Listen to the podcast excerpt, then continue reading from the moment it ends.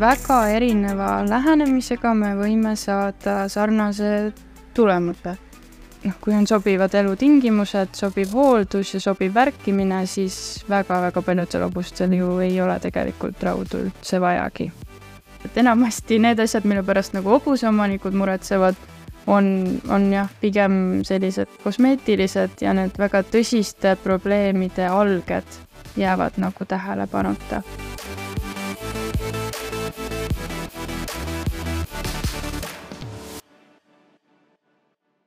tere tulemast kuulama Hobumaailma podcasti, mina olen Mari-Helen. ja mina olen Kersti. Äh, tänases saates on meil külas äh, Sepp Laura Lemming, kellega me räägime siis lähemalt kabihooldusest ja sellest, äh, milline näeb välja terve kabi. Ja Laura käest me küsisime ka kasulikke nõuandeid selle kohta, mida siis saab hobuse omanik teha selleks, et hobuse kabi püsiks tervena. ja muidugi saame üle ega ümber üsna kuumast teemast, milleks on siis see barefoot trend ja arutame seda, kas rauavaba elu äh, ikkagi sobib kõigile hobustele. head kuulamist.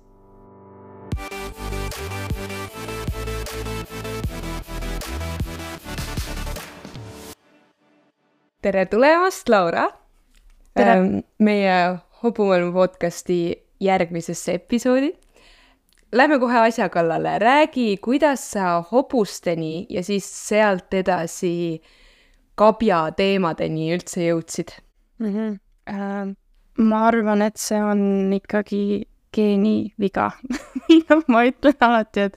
et äh, see sepatöö on parandamatu vaimuhaigus aga äh, hobuste juurde ma jõudsin ikkagi läbi ratsatrenni, nagu suguvõsas meil ei ole hobuseinimesi ja vanemate loomaarmastus piirdus ka koera ja kassi pidamisega, kui me kolisime Tallinnast maale.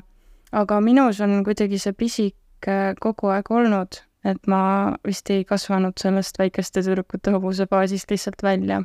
aga nüüd jah, nagu viimastel aastatel see ratsutamine isegi enam nii väga, mulle väga meeldib hobustega aega veeta äh,. mulle meeldib väga näiteks maastikul ratsutada, aga see platsil harjutuste nühkimine või kõrguste tagaajamine nagu isegi enam nii väga ei kõneta, et on olnud aegu, kus on kõnetanud ja võib-olla tulevikus jälle, aga ma olen kuidagi teinud selle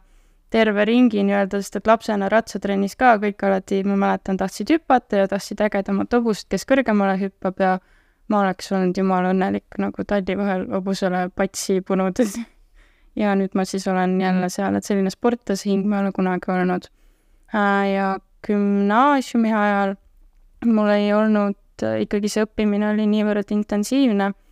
et mul ei olnud aega käia niimoodi regulaarselt Äh, trennis, aga hobusepisik oli ikkagi. ja siis ma sisustasin äh, tasakaaluks oma suvesid sellega, et ma käisin äh, välismaal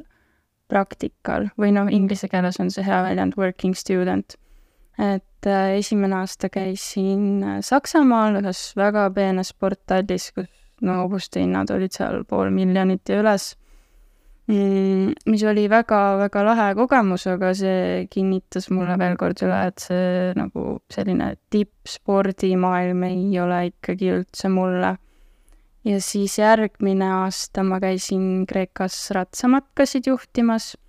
mis oli, oli nagu füüsiliselt ja vaimselt hästi raske töö, aga oli väga lahe, et esiteks ma kohutavalt nautisin seda maastikusõitu,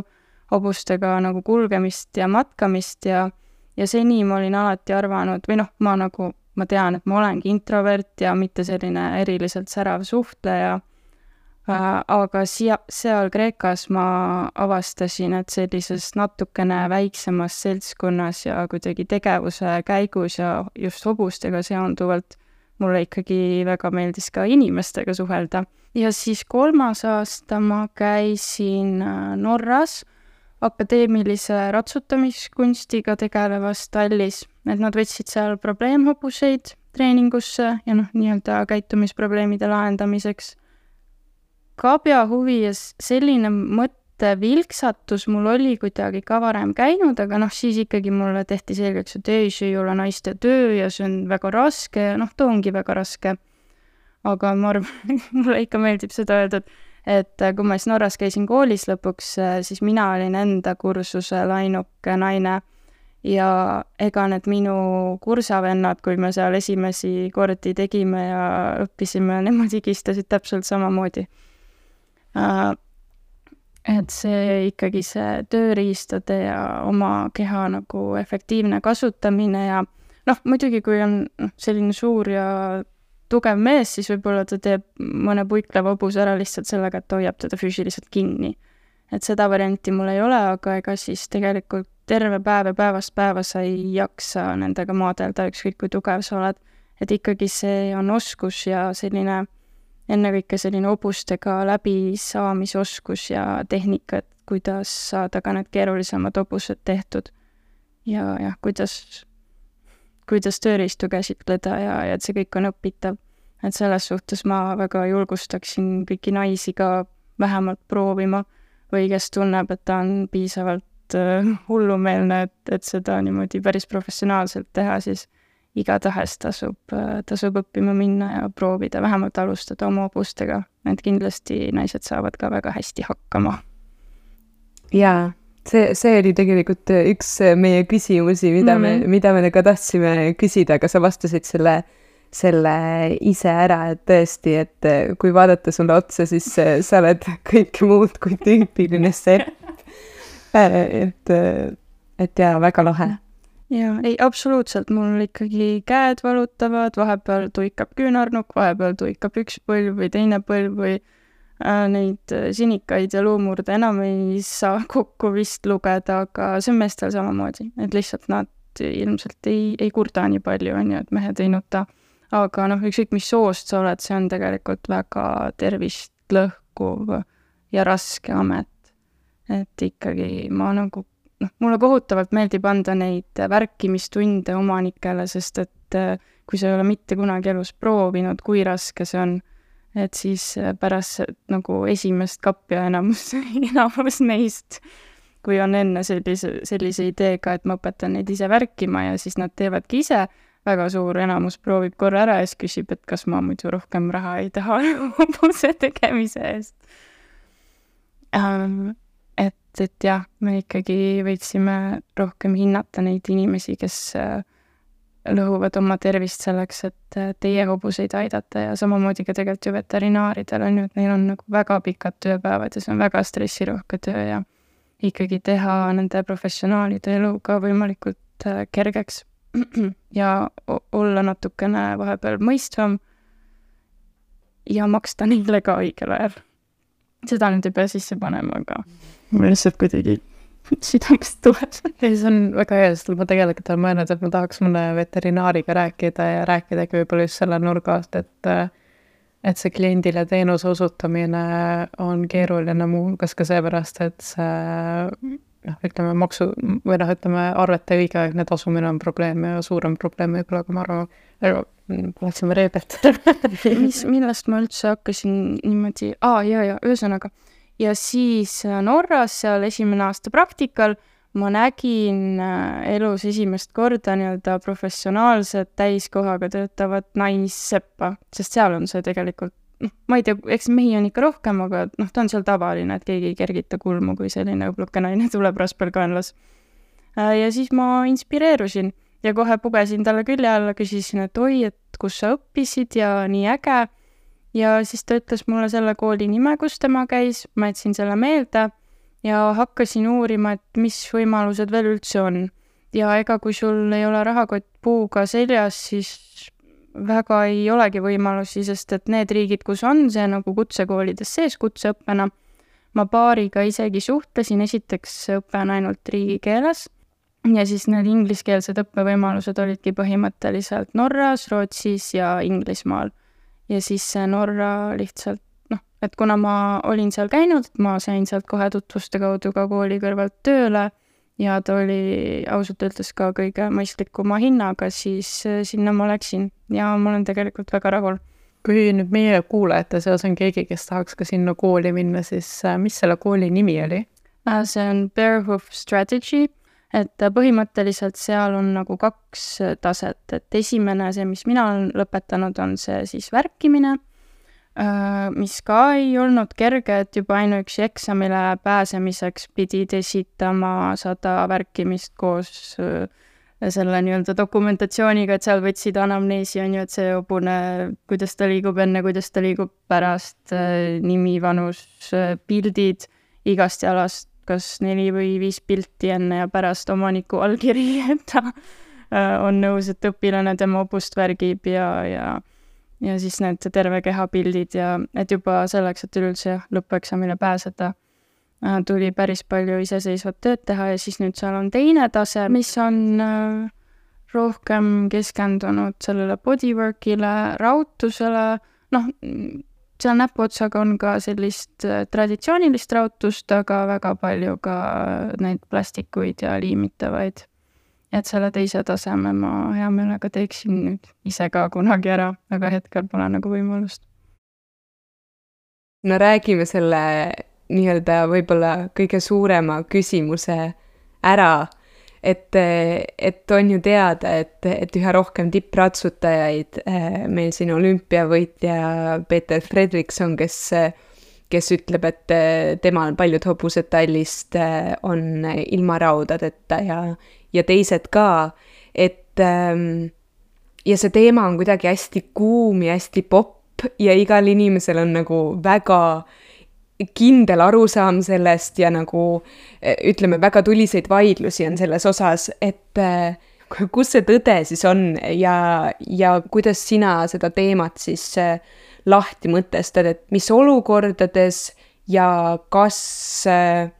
siis hobuseomanik võiks valida kas rauavaba või siis raudtuse tee? -hmm. ma arvan, et sellist tõde ma ei saa anda ja seda ilmselt ei olegi olemas, aga ma võin äh, enda mõtteid jagada ja tegelikult ma lugesin intervjuud sellesama Rootsi koondise sepaga või tähendab, vähemalt kes neil tollal oli, kui nad äh, tõid selle olümpiamedali. Äh, ja tema ütles ka, et ega siis nagu tänapäeval meil on pinnased ikkagi vähemalt tippspordis nii head, et ega seal platsi peal sõitmiseks ja ka väga kõrgete takistuste hüppamiseks ei ole hobusel raudu vaja et probleem tekib seal äh, ütleme siis sõitmiste vahepealsel ajal. kui su hobune on nagu paljajaluga sellise ideaalse platsi pinnase peal lombakas, siis tal on ikkagi midagi viga. et siis tal ei ole lihtsalt kehvad kabjad, vaid tal on ikkagi konkreetselt haiged kabjad, et siis me peaksime juba noh, seda tõsisemalt nagu seda põhjust uurima äh,. aga äh, sõltub ju selle hobuse elamistingimustest ja mis me temaga teha tahame et üks selline näide, kus näiteks rauad on minu meelest väga õigustatud, on see, kui meil hobune elab valdavalt pehmes murukaplis, noh, meil Eestis vist ju enamasti ongi vähe, on mingeid träkke ja kruusakapleid ja selliseid asju. ja siis me tahame minna temaga sõitma näiteks kestvust kaheksakümmend või sada kilomeetrit kuskil kruusateede peal ja treenida ka nagu palju karmima pinnase peal, et siis muidugi see kabi ei ole kohanenud, me peame teda kaitsma. Ja see on siis hobuseomaniku äh, Äh, või sõitja juba nagu valik, et äh, mis talle kõige paremini sobib ja mis nende kappede tervist ka kõige paremini hoiab, et on see suss, on see plastraud, on see tavaline raud, et igalühel on nagu äh, omad äh, plussid ja miinused, et noh, paratamatult igasugune raudtus, ka see, need toredad liimirauad, mis mulle meeldivad, ka plastrauad, ka kõige pandlikumad rauad äh,, isegi nagu kabjalahased või mis iganes Äh, mõjutab kapju pikas plaanis ja ikkagi häirib kabja mehhanismi ja häirib kabja verevarustust. et siis äh, peaksime nagu vastavalt vajadustele leidma kõige parema kompromissi, et näiteks kui meil on hobihobune ja probleem on ainult hästi kivisel pinnasel liikudes maastikusõitudel, siis minu meelest see kabjasuss näiteks on ju ideaalne lahendus, et seda on kerge jalga panna ja kogu ülejäänud aja hobune saab olla kenasti paljajalu võib-olla lihtsalt äh, nagu, et alustada nagu täiesti algusest, on ju, et me teame, et äh, hobusel looduses äh, evolutsiooni käigus see kabi saab funktsioneerida erinevates keskkondades ähm, ja tänapäeva maailmas, kuna me kasutame hobust täiesti teises vormis kui see, mis nad looduslikult kunagi olid, siis ilmselgelt see elukeskkond on muutunud ja, ja rauad on ikkagi pigem tavaline nähtus. tegelikult kõige esimene nii-öelda hobuseraud oli ju hoopiski kabjasuss, et roomlased, kui nad hakkasid ehitama sillutatud teid, siis nende hobused hakkasid äh, kulutama oma kapju seal munakivide peal kiiremini, kui need suutsid kasvada ja siis nad punusid neile sellised kabjasussid, mis siis äh, pikkamööda arenes selleks metallrauaks, sest et lihtsalt metall peab kauem vastu sellisele intensiivsele kõval pinnal sõitmisele. aga jah, minu silmis raudadel on äh, laias laastus nagu kolm sellist mõistlikku põhjendust, et üks on tõesti see, et lihtsalt kabi kulub kiiremini, kui kasvab, et meil on, me nagu treenime või hobune elab nii sellises äh,, nii abrasiivsel pinnasel, et meil on vaja seda kapja kaitsta liigse kulumise eest.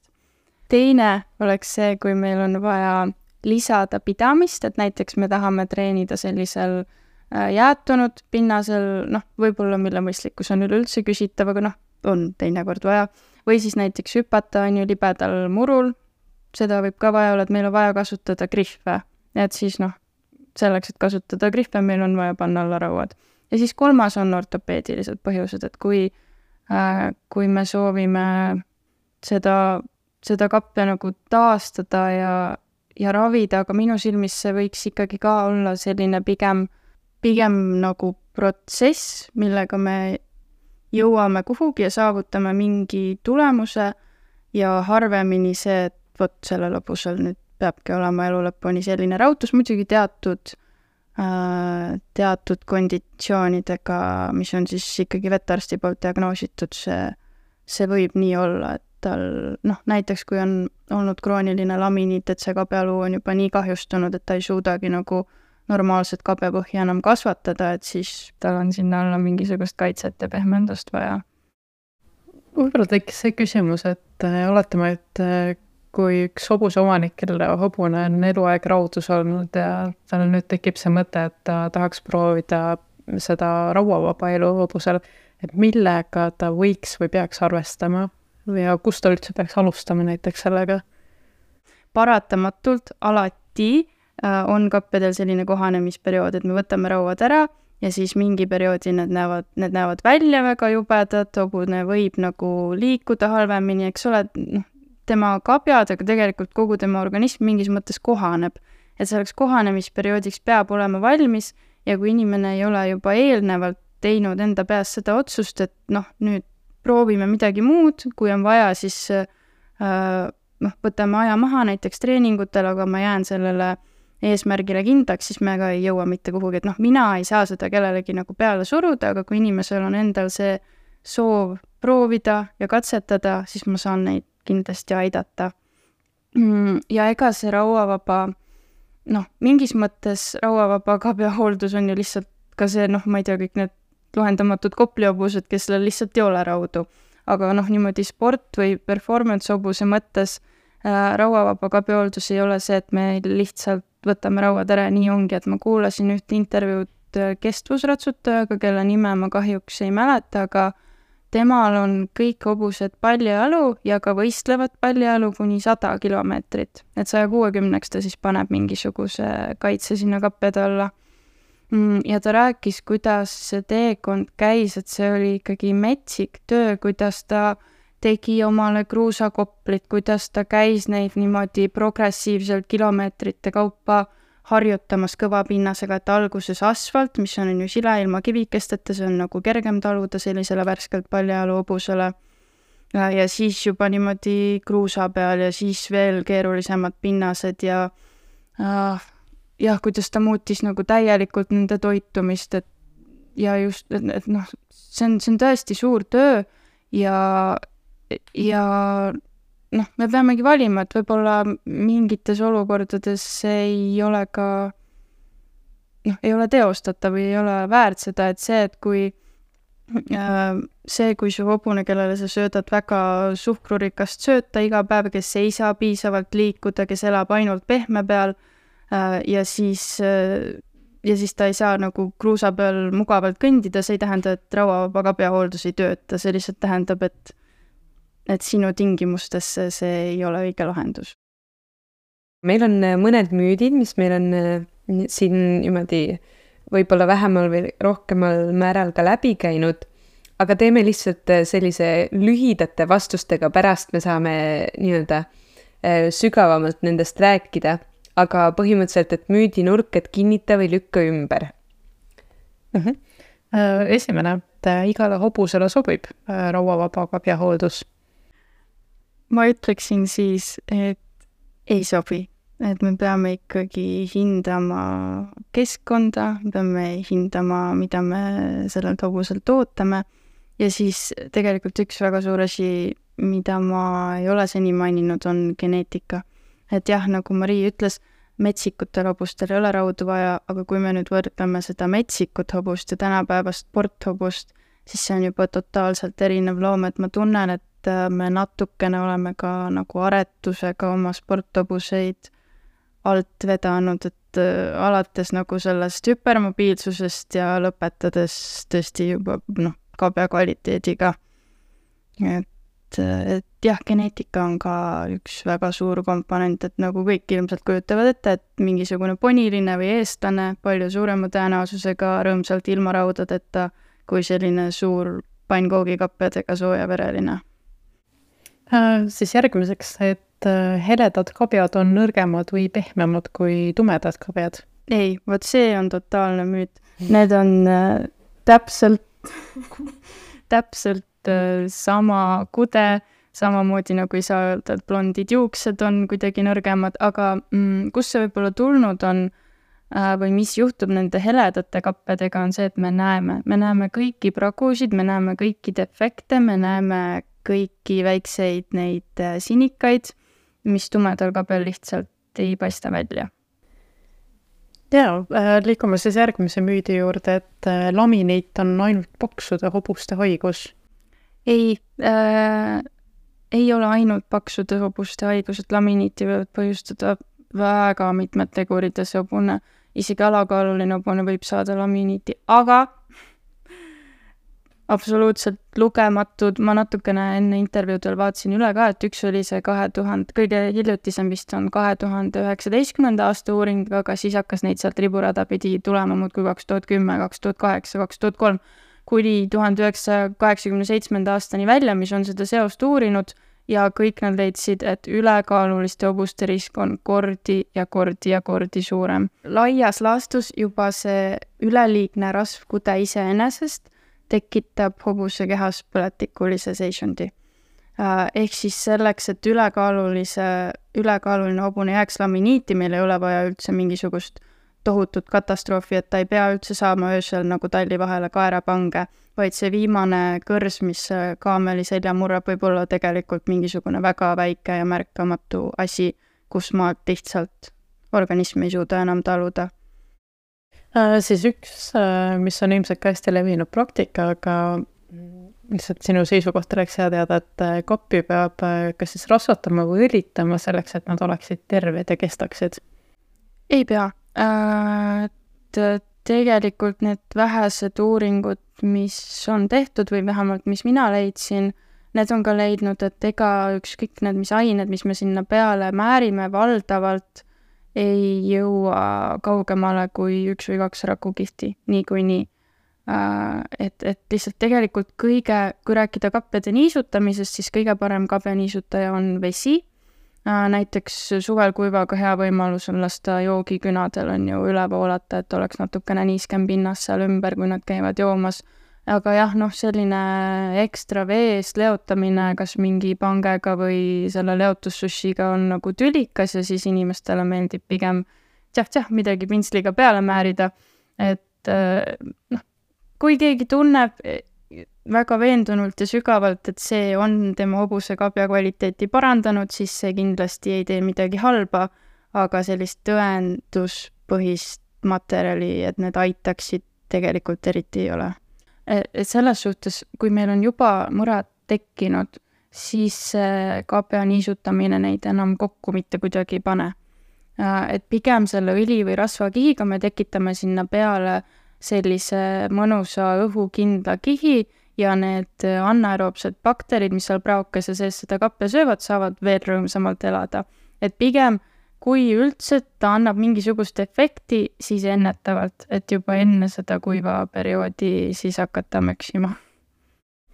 Ja siis äh, viimane müüt, mille me oleme siin võtnud või selline äh, väide on siis, et äh, kabjahooldus algab söödast. jaa, algab täitsa tõsiselt, et ma ei, ma ei oska nagu vä-, või välja tuua või ei ütleks, et mingisugune kindel lisand või mineraal parandab kapju, aga mikromineraalide puudus ja vale tasakaal täiesti kindlalt hävitab kapju. et näiteks need tallid, kus nii-öelda piltlikult öeldes igal hobusel on valge viirutõbi. ja siis sa lähed tallivetsu, võtad klaasitäie vett ja sa kohe tunned seda raua maitset, ehk siis näiteks noh, liigne raud meil väga levinud ja tekitab äh, just neid kabjaseina infektsioone väga tihti, mis kuidagi ei taha nagu ravile alluda. Ja samamoodi tsingi ja vase puudus, samamoodi, eks ole, see liigne tärklis, liigne süsivesik. Et mul on neid näiteid ka küll ja küll, kus ma räägin inimesele pool aastat, et jätame nüüd palun selle kaera menüüst ära, et et kolm korda nädalas ratsastustrenn ei ole nii suur koormus, su hobune ei ole kõhna, ta on pigem liiga paks, ärme söödame palun talle seda kaera enam, ta kabjad nagu mädanevad otsast ära põhimõtteliselt ja siis, kui lõpuks see kaer jääb ära ja siis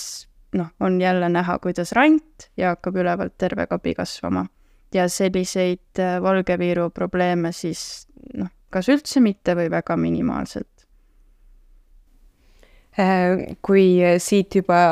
nii-öelda sõnasabast kinni võtta, siis üks kõige levinumaid äh, kabja ähm,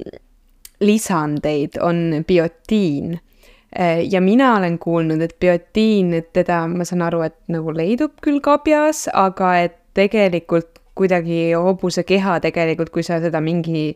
pulbrina sisse söödad, nagu tegelikult ei omasta väga mm,? et noh, biotiini on suhteliselt turvaline sööta, sest et üleliigse hobune lihtsalt väljutab uriiniga oma kehast, eks ole. Aga nüüd need uuringud, mis on tehtud, siis tulemused on ka varieeruvad, et äh, mõningad neist on leidnud, et biotiin kiirendab kabja kasvu, aga jällegi seal ei ole nii täpselt välja toodud, noh näiteks me teame, et äh, kabja kasvukiirus sõltub ka aastaajast, et äh, kuidas täpselt on need katsed, eks ole, läbi viidud. et ühesõnaga sellist noh, kindlat vastust sellel ei ole ja minu kogemusel ka, et kui ta isegi paneb kiiremini nii-öelda tundub meile, et ta paneb kiiremini kasvama, siis kabja kvaliteeti ta ikkagi eriti ei paranda. kui, kui me tegelikult jah, juba toidu te teemadele läksime, siis mis on need põhikomponendid selleks, et see kabja tervis siin Eesti kliimas olevale noh, ütleme keskmisele sporthobusele oleks eh, nii optimaalne kui võimalik mm? -hmm. Need on selles suhtes tegelikult äh, väga lihtsad Äh, ja aitavad väga palju, et number üks, puhastage oma hobusekapju. et kui, kui ainuke kord, kui keegi kabjakonksuga kabja alt tõmbab, on siis, kui sepp tuleb, siis see on liiga vähe. Äh, ja teine on see, et kutsuge sepp õigel ajal, et noh, jah, ma ei hakka sinna minema, kuidas meil selle seppade kättesaadavusega lood on, aga ma arvan, et kuulajad praegu on äh, niimoodi, et jah, me proovime. Äh,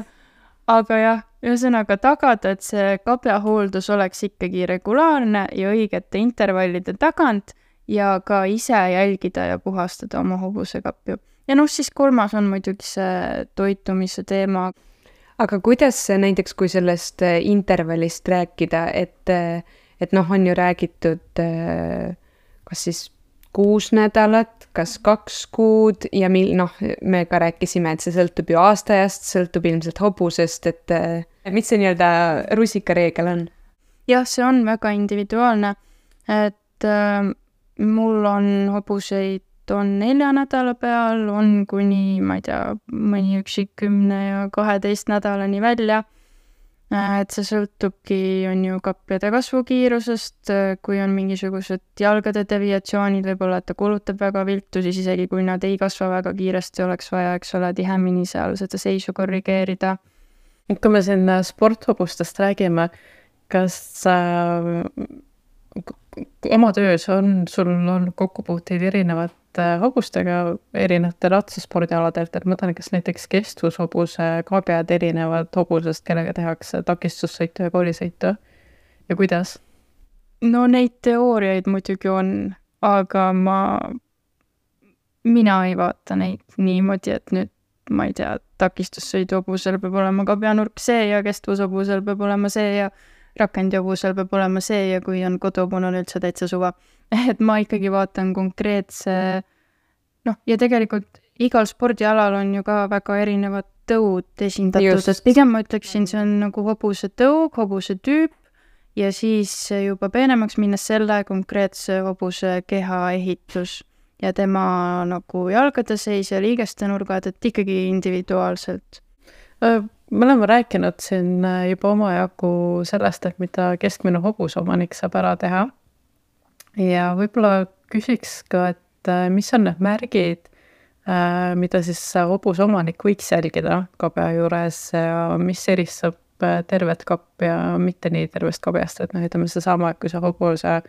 omanik puhastab nüüd seda kappi või märkab mingit muutust, et mille suhtes ta peaks eriti nagu tähelepanelik olema? see on hästi tore küsimus, sest et ma aeg-ajalt olen ikkagi kuidagi nagu mõelnud, et kuidas nii-öelda näevad kappia nagu hobuseomanikud ja mille pärast muretsevad ja siis mille pärast muretsen mina, et tavaliselt, kui mul tuleb selline kõne või sõnum, et oi-oi, kas me nüüd saame palun selle järgmise värkimise teha varem, mul nüüd on katastroof, siis ma ütlen nii ja siis ta saadab pildi, kuidas kabjad on alt äärest ära murdunud et, et, et noh, see nagu noh, sest see hüppab silma, on ju, et see on kole ja, ja, ja kabi nagu tundub katki, aga ma ütlen, noh, muidugi nad võivad teatud juhtudel ka väga pahasti ära murda. aga reeglina see on see asi, mille pärast mina noh, üldse ei muretse, see on, see on kosmeetiline. ja siis asjad, mille pärast mina võib-olla noh, muretsen rohkem ja inimesed kas ei oska vaadata või ei peagi seda millekski, on näiteks mm, näiteks kui hobusel on väga lame kabjatald,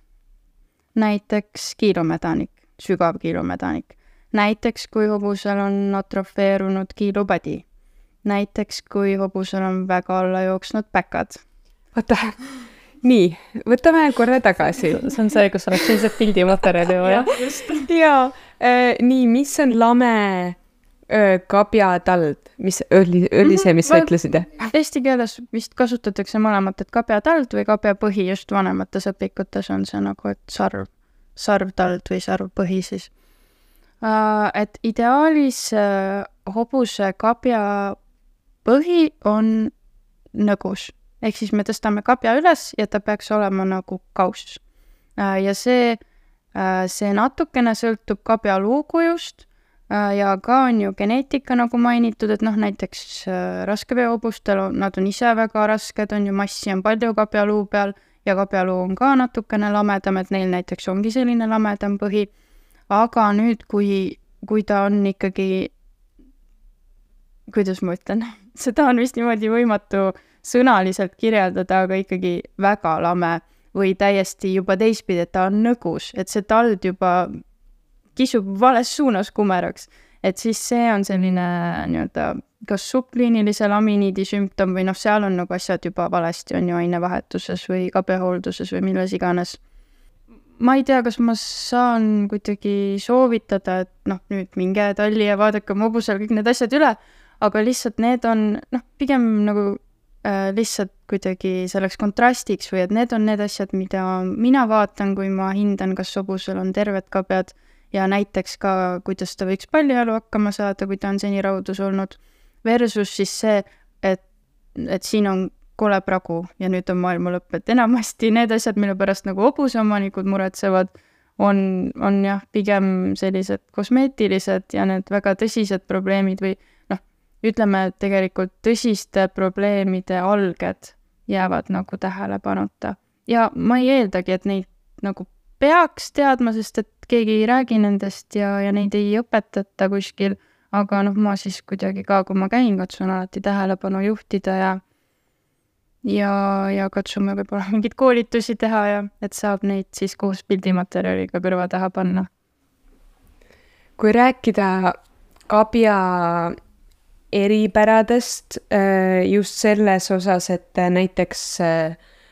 Äh, näiteks minu hobusel üks esikabi kasvab rohkem pikkusesse, teine on alati kasvanud rohkem laiusesse. ma olen, olen alati rääkinud nende veterinaaride, nende seppadega ja tegelikult ma olen ikkagi kuulnud nagu vastakaid arvamusi selles osas, et, et näiteks kui on madalad päkad äh, hobusel, et kas seda saab siis muuta ja see on selline asi, mida nagu sa enne ütlesid, et teeme nii-öelda, nii-öelda kuurina, et noh, me võtame eesmärgiks siis kasvatada seda päkka ja siis ütleme, pärast seda me saame ta panna näiteks tavarahutuse peale tagasi. või on see selline asi, et näed, sellel hobusel ma ei tea, see esimene vasak jalg alati, noh, see on see tema anatoomia ja see alati ongi nii ja, ja, ja seda me selles suhtes muuta ei saa, me saame seda nii-öelda nagu parandada, aga mitte muuta mm. -hmm siin nüüd on natukene kaks erinevat asja, et üks asi on, on ju lihtsalt madalad päkad ja siis teine asi on see nii-öelda see kõrge päkk, madal päkk sündroom või see high-low inglise keeles. aga noh, laiemalt need küsimused on need, mida ma ka iseendalt väga palju küsin ja mida ma küsin alati loengutel ja koolitustel, äh, kuhu mul õnnestub minna. Ja need vastused noh, praegu üldse nagu sepanduses ja veterinaarias on see hästi suur trend, näiteks päkkade tõstmine ja kiilutoeplaadid ja, ja teeme kõik korda, aga siis äh, küsides neid küsimusi nagu ikkagi väga kogenud ja maailmatasemel töötanud seppadelt äh,, siis valdavalt äh, nad ka vastavad, et mingitel juhtudel kui see, kui see põhjus näiteks ongi olnud nagu halb kabjahooldus või mingisugune trauma või noh, ühesõnaga, et, et mingitel juhtudel me saame täiesti ära parandada, aga väga palju on sellist, mida me peame pigem manageerima või noh, et, et, et noh, sellist ideaalset sümmeetriat ja täiuslikke nurkasid mingitel juhtudel tõenäoliselt ikkagi ei saa.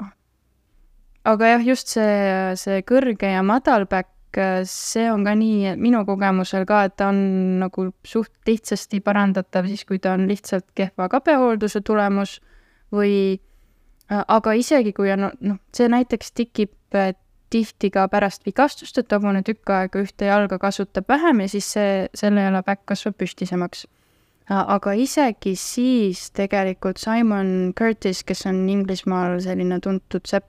isegi selle peale, et tema ütles, et see võibki jääda elu lõpuni mingis mõttes ja noh, tema on ikka nagu väga, väga pädev, õpetab seal neid maailma parimaid seppasid välja. Äh, ja minu, mul on paar sellist olnud, kellel on nagu vigastuse tagajärjel see tekkinud, et jah, ta niimoodi järk-järgult läheb järjest paremaks, paremaks, paremaks, aga ikkagi, kui sa väga hoolega vaatad, siis mingisugune erinevus jääb. Ja siis äh, teine põhjus on tõesti nagu geneetika, et kas seal on juba varsaeas olnud mingisugune asi, et me lihtsalt saame seda hoida kontrolli all ja katsume leida seda tasakaalupunkti, et kus maalobusel on hea liikuda, sest et nendega kipub ka see olema, et kui sa niimoodi prauhti sunnid nad täpselt samasuguseks ja välja näeb asi ilus ja nurgad on võrdsed, aga oih, nüüd see hobune lonkab, sest et ta ei oskagi enam võrdsete kappedega liikuda sümmeetriliselt. jaa mm. -hmm see andis hea, hea vastuse. ma arvan, et paljud hobuseomanikud tunnevad, et, et noh, mul endal ei ole ju neid teadmisi, et ma ootan neid nagu seppadelt ja veterinaaridelt, aga kui räägitaksegi erinevaid see ei ole see, et nad kindlasti, nad, keegi eksiks, aga, aga võib-olla nad rõhutavad mingisuguseid teisi asju ja siis ütleme, harrastajast hobuseomanikul on lihtsalt segadus. ja, ja neid, et neid teid roomu on palju, eks ole Äh, ja tihti ongi nii, et tegelikult väga erineva lähenemisega me võime saada sarnase tulemuse. et äh, noh, et samamoodi näiteks, kes on nii-öelda rauavaba kabjahoolduse pooldajad, väga vabalt sa võid saada mingisuguse üüberpeene ravirahutuse ja sellise korrektse värkimisega sama tulemuse, aga noh, ütleme siis, siis kindlasti see ajaaken on näiteks erinev, on ju. Või siis mul nüüd hiljuti oli väga suur au ja hea võimalus käia, osaleda, kuulata Maaülikooli viimase aasta hobusearsti tudengite loengut ortopeediast ja siis ka seal lektor ütles, et et jah, ma siin kogusin materjale ja uurisin, et noh, et ma peaksin ju teile mingisugused arvud või andmed kuidagi andma, et mis see standard ja õige on, aga need, mitte keegi ei ole üksteisega nõus, kui me hakkame kappedest rääkima et see, et isegi nagu arsti ja teadlasena neid, noh, see ei, raske on seda keskteed leida, ma saan täiesti aru, et hobuseomanikul ongi segadus mm. -hmm. Et siis võib-olla jah, ainuke soovitus on võib-olla noh, võib alati küsida erinevaid arvamusi ja ka ikkagi leida selline sepp või värkija, kellega saab avatult nendest asjadest rääkida ja kes võib-olla julgebki mingite asjade kohta öelda, et ma ei tea, aga et kui sa tahad, ma võin uurida või, või kui sa tahad, me võime seda või teist proovida. sel kabjahooldusel on äh, muidu veel mingeid trende, mis sa saaksid välja tuua või ütleme, on min-, minevikust mingeid selliseid huvitavaid trende? Mm, ma isegi, mul on selline tunne, et nüüd see suur rauavabaduse trend kuidagi isegi hakkab hääbuma või no eks sõltub ilmselt nagu infoväljast ja, ja ja riigist ja asukohast ja sajast asjast, aga noh, mingil hetkel ju see oli nagu metsik plahvatus aga jaa, siis praegu on ikkagi, mina näen hästi palju, et see selline tõstvad plaadid, kiilutoeplaadid ja muidugi ka need igasugused äh, alternatiivsed materjalid just. ehk siis näiteks plastik? näiteks plastrauad, näiteks kabjalahased, näiteks selle asemel, et me teeme mingisuguse üüberkeerulise ja üüberraske metallist ravilahenduse, võib-olla äh, me saame seda lahendada nagu kuidagi liimiga, äh, kuidagi teistmoodi kappe toetada, äh, kui ainult noh, sest metalli miinus on ju tegelikult see, et ta, ta ei ole üldse painduv, ta on väga jäik äh, ja ta ka tekitab väga palju vibratsiooni hobuse, hobuse jalas maandumisel. et siis nüüd need sellised moodsamad materjalid on, on ka suur teema, mis kuidagi toetavad äh, nagu dünaamiliselt, et, et kuidas ma ütlen, et see liigne toetamine on jälle takistus kui see kuidagi make ib sense'i. ma, arvan, et ma saan aru, mis sa silmas pead, sest ma olen näinud ühte videot, kus äh, jooksid kõrvuti aegluubis oli hobune, kellel olid rauad ja hobune, kellel ei olnud rauad. ja see, kuidas see hobuse jalg liikus kokkupõrkel maaga, oli hoopis teine, et äh, see ilmselt ilmestab väga hästi seda erinevust mm. -hmm. Et see, et see,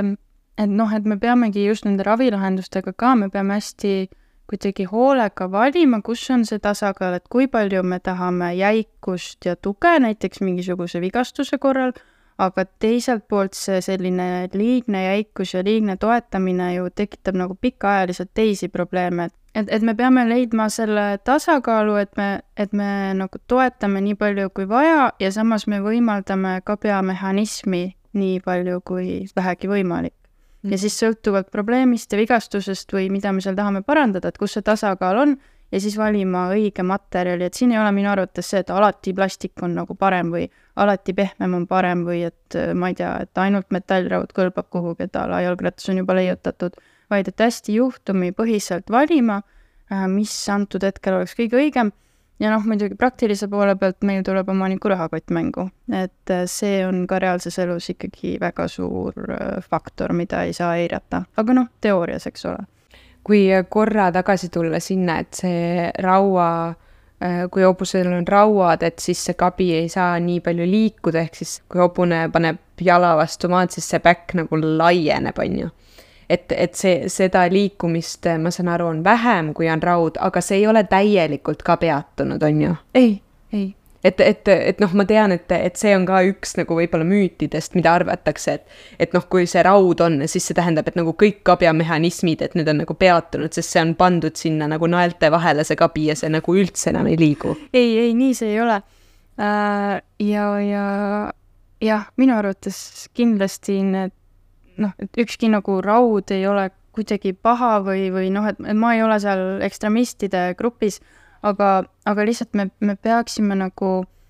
mõtlema pikaajaliselt, on ju, et, et noh, raud näiteks väga hea, muu hobune ei hellita enam, aga kui me hoiame teda kaksteist kuud aastas nagu raudus aastaid ja aastaid ja aastaid ja me ei, ja me ei tee midagi, et seda mm, hobuse kilupadja atrofeerumist ja kaudaalset kollapsi äh, nagu leevendada nendes raudades või me ei anna talle raudadest puhkust, siis aastate, aastate, aastate pärast meil noh, on väga kitsaste päkkadega kabi ja totaalselt atrofeerunud kiilupadi. et, et me peame kuidagi suutma leida selle tasakaalu, et mis on vajalik mul oli see küsimus, et äh, kui sageli sul klientidega tuleb äh, aeg jutuks, et just see, et sellele kabjale ja kabja kasvule ja tervenemisele tuleb anda aega, et ei ole kiireid lahendusi ja ei ole see, et ma ostan toidulisandi, teen paarinädalase või kuuajase kuuri ära ja siis on olukord ideaalne, et need asjad tegelikult nõuavad palju-palju kauem. jaa, pidevalt ja, ja see ongi hästi raske, et tegelikult noh, ütleme see terve kabja kasvutsükkel, kus siis kabjasarv, ütleme, jõuab kabjapiirdest maani, olenevalt hobusest, no mõni väga kiire, võib-olla isegi kuus kuud, aga pigem ma ütlen selline üheksa kuni kaksteist kuud. ja see on väga pikk aeg äh,. et, et jah, et see, kui meil veel ühe, kahe, kolme värkimise või raudtusega ei ole ei ole tulemust, siis on väga keeruline ka professionaalina kuidagi noh, hoida seda usku, et teeme ikka edasi ja, ja et see on õige, mis me teeme ja, ja see tulemus tuleb mul on äh, tunne, et äh, kui ma näiteks internetis olen näinud pilte, kus on see enne ja pärast, et siis oleks alati oleks tore, kui seal all oleks ka näiteks kuupäevad või kuskil, et millal on tehtud enne ja millal on tehtud see pärast, sest et noh, see ei ole see, et selle pildi tegime eile ja noh, nüüd on homne päev ja pilt on kohe hoopis teine, et äh, need protsessid nõuavadki väga palju aega. ja, ja selle sotsiaalmeediaga on ka, et ühelt poolt hästi inspireeriv, hästi äge, et neid asju jagatakse, aga jagatakse on ju alati õnnestumisi et nüüd, kui mina olen noh, niimoodi rohkem isiklikult suhelnud äh, professionaalidega, siis ka sellel nagu maailma kõige paremal ja kallimal sepal on äh, neid hobuseid, kes ei reageeri mitte ühelegi asjale, mida ta teeb. Ja seda arengut ei ole, aga siis Instagrami ta paneb ikka need, mis on nagu, et voh, ma ei tea, kolme korraga on täiesti umbes teistsugune kabi ja nüüd hobune lendab üle takistust ja kõik on suurepärane. aga tegelikult kõigil on ka neid, neid keerulisi juhtumeid ja see, et nüüd noh, ma ei tea, kuskil sotsiaalmeedias see raudtus või värkimine töötas, et see ei, see ei pruugi üle kanduda niimoodi üks-üheselt, eks ole, kõigile hobustele um,. võib-olla siis lähme lõpuküsimuste juurde, et mis äh, või võib-olla see tundub nagu ähm, iseenesestmõistetavana, arvestades seda, et meie kogu teema on rauavaba kabjahooldus, aga võib-olla sul on midagi hoopis muud öelda või ikkagi see, et äh, igatahes, mis on ratsutamisega seotud teema, mis on sulle südamelähedane, aga millest väga ei teata või ei räägita mm? -hmm. ma mõtlesin selle küsimuse peale, ma niimoodi konkreetselt ratsutamisega vist ei oska öelda, aga mida ma oma töös palju näen, on tegelikult äh, äh, krooniliselt stressis hobused ja kuidagi nagu hätta jäetud hobused, et see, et see stress siis, ta nagu väljendub kas mingisuguste tervisehäiretena või käitumishäiretena. Äh, ja siis kehvemal juhul me lihtsalt jätame selle hobuse hätta oma nagu murega, kas seni, kuni tal on juba konkreetselt väga ohtlik käitumine või tal on väga suur terviseprobleem või siis äh, paremal juhul me kogu aeg üritame kuidagi ravida ja leevendada neid äh, sümptomeid, mis on tekkinud, aga me kordagi ei mõtle, et kas üldse mu hobusel on parimad võimalikud elutingimused, et mulle kuidagi tundub, et väga paljude hobuste närvikavale ikkagi ei sobi see selline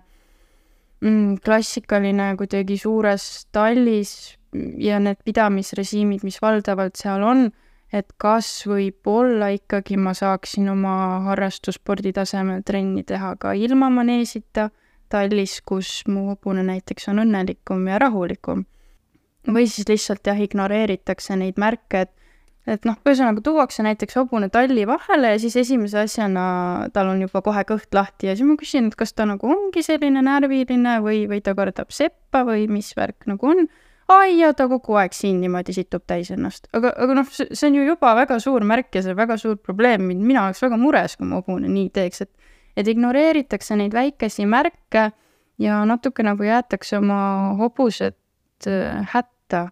Ja, ja jah et, et ikkagi küsida endalt ikkagi tuleb see, mis meil teistes episoodides on ka, et küsi, miks hobune nii teeb. ja, ja et ikkagi pidamistingimuste roll kogu hobuse tervises ja käitumises on nii palju suurem, kui isegi mina, noh, ma olen alati sellist mõtteviisi nagu pooldanud ja viljelenud, aga pärast seda, kui sa näed seda vahet hobuses, kes on just kolinud näiteks suurest tallist rahulikku talli, siis ei suuda enam miski ümber veenda, et see on väga-väga suur. Ja mingid sellised kroonilised kergemad tervisehädad, mis iseenesest tervenevad lihtsalt keskkonnavahetusega. ja mul on endal see kogemus, et et ma sain oma hobuse Belgiast ja Belgias on üldjuhul see, et et äh, kopli võimekus on seal väga väike ja kui on, siis on liivakoplid ja väga väiksed koplid ja talvel äh, neid väheseid kopleid, mis on, ei taheta äh, nii-öelda veel halvemasse seisukorda viia, ehk siis hobused on ainult jalutajas, on ta karussellis siis eesti keeles vist, ähm, et on ainult seal ja see on kõik, mis neil on. ja ja nagu noh,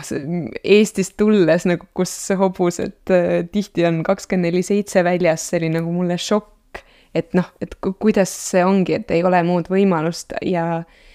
ja minu, mina oma hobuse, hobust vaadates küll tunnen, et, et talle Eesti elu sobib äh, ja meeldib palju paremini. Nad on hobused ikkagi, et nad peavad saama seda vaba liikumist Ehm, et, et ma arvan, et, et eestlased peaks olema väga õnnelikud, et meil on seda ruumi ja maad siin, et me saame hobused äh, välja panna ja kui see võimalus on, siis, siis seda ei tohi jätta kasutamata. ja ma tunnen ka, et ma üldiselt olen pigem tolerantne erinevate nagu distsipliinide suhtes ja kõik need sellised erinevad, sest see hobuse maailm on ju nii varieeruv ja neid praktikaid on nii palju aga et ikkagi seda ma ütlen alati väga julgelt välja ja olen hästi nagu põhimõttekindel, et ikkagi baasvajadused peavad hobusel olema, et ta peab saama liikuda, ta peab saama õiget sööta, ta peab saama liigikaaslastega suhelda. et see noh, et kui need on täidetud, siis seal konkreetsest treeningutest või mingitest võtetest võime nagu edasi arutleda, aga aga selline boksis pidamine või, või noh, mis iganes, see nagu ei lähe üldse yeah.. väga-väga tore lõpp, tänan jaa. aitäh sulle, Laura jaa, väga tore oli. aitäh sulle äh,. jah, ongi kõik. Aitäh, et kuulasid ja me loodame, et sulle tänane episood meeldis. Ja kui sa ei ole kuulanud meie varasemaid osi, siis saad neid järgi kuulata iTunes ja Spotify keskkonnast. Ja uus osa on eetris juba kahe nädala pärast